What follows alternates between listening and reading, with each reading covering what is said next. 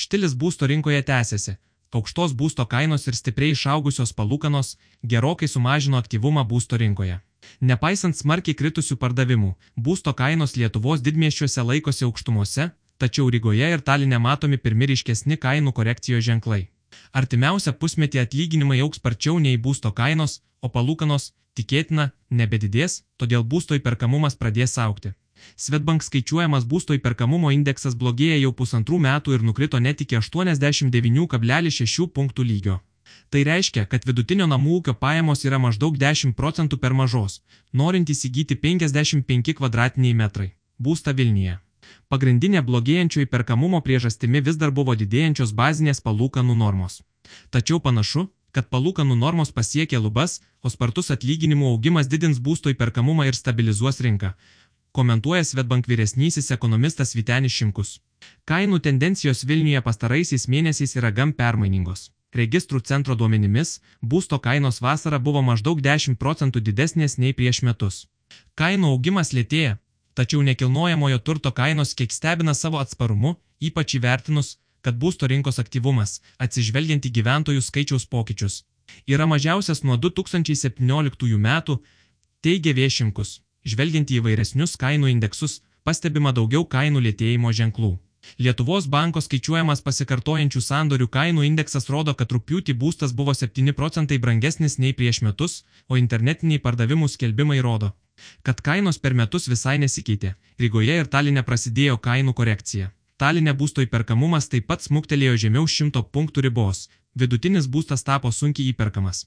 Rygoje būsto įperkamumo situacija yra kiek geresnė. Latvijos sostinėje labiau vyrauja pigus sovietinės statybos būstas, kuris pagerina vidutinę statistiką. Naujo būsto tendencijos Rygoje yra praktiškai tokios pačios kaip ir Vilniuje bei Talinė. Rygoje ir Talinė matoma daugiau kainų korekcijos ženklų, ypatingai antrinėje rinkoje. Rygoje senos statybos būtų kainos antrą ketvirtį buvo 8 procentai mažesnės nei prieš metus. Talinė taip pat matoma ryškesnė korekcija senesnės statybos būtų kainose. Kita vertus, abiejuose miestuose bendrą kainų vidurkį aukštumoje išlaiko ir toliau brangstantis naujos statybos būstas. Netmestina, kad besitęsiant štiliui rinkoje panašios tendencijos gali būti stebimos ir Vilniuje. Tikėtina, kaip ir kaimininėse šalyse, pirmiausia koreguotųsi senos statybos būsto kainos, o naujos statybos segmente stebėtume mažą sandorių skaičių, bet ne kainų kritimą, pastebė ekonomistas. Palūkanų normų pikas jau pasiektas. Svetbank prognozuoja, kad Europos centrinis bankas ECB bazinių palūkanų daugiau nebedidins, o kitų metų pirmąjį pusmetį jau turėtų jas pradėti mažinti.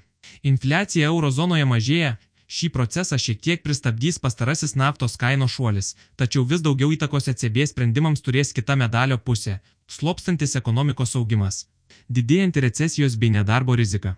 Šiuo metu rinkose tikimasi, kad ECB palūkanų normas mažins antrąjį kitų metų pusmetį, o 2024 metų gale Euribor bus sumažėjęs iki 3,5 procento. Vis tik sparčiai silpnėjanti paklausa ir prastėjantis darbo rinkos rodikliai gali paskatinti palūkanų normas mažinti anksčiau ir sparčiau, prognozuoja Svetbank vyriausiasis ekonomistas Nerijus Mačiulis. Nuomos graža išlieka žemiau istorinio vidurkio. Svetbank skaičiuojamas nuomos gražos rodiklis išlieka žemiausiame lygyje nuo 2011 metų Šis rodiklis parodo, kokią dalį būsto kainos sudaro jo metinės nuomos pajamos. Vidutinė nuomos graža Vilniuje siekia apie 5,1 procentą, Vilniaus senamiestyje 4,2 procentus, Kaune 5,9 procento. Tai yra maždaug procentiniu punktu mažiau nei jos ilgalaikis istorinis vidurkis. Nuomos graža šiuo metu nedaug skiriasi nuo palūkanų, kurias investuotojai gali uždirbti nusipirkę saugiausius vyriausybių vertybinius popierius. Todėl investicinio būsto paklausa yra beveik visiškai išsekusi ir atsigaus tik rentant palūkanų normoms ir besiformuojant būsto kainų augimo lūkesčiams. Pirmojo būsto pirkėjai retai lygina nuomos ir įsigijimo pinigų srautų alternatyvas, o sprendimus priima vadovaudamiesi emocijomis. Tačiau potencialių pirkėjų gretas labai praretino į 13 metų žemumas nukritęs būsto įperkamumas, todėl besitikintiems greito būsto rinkos atsigavimo dar reikės palaukti, komentuoja Mačiulis.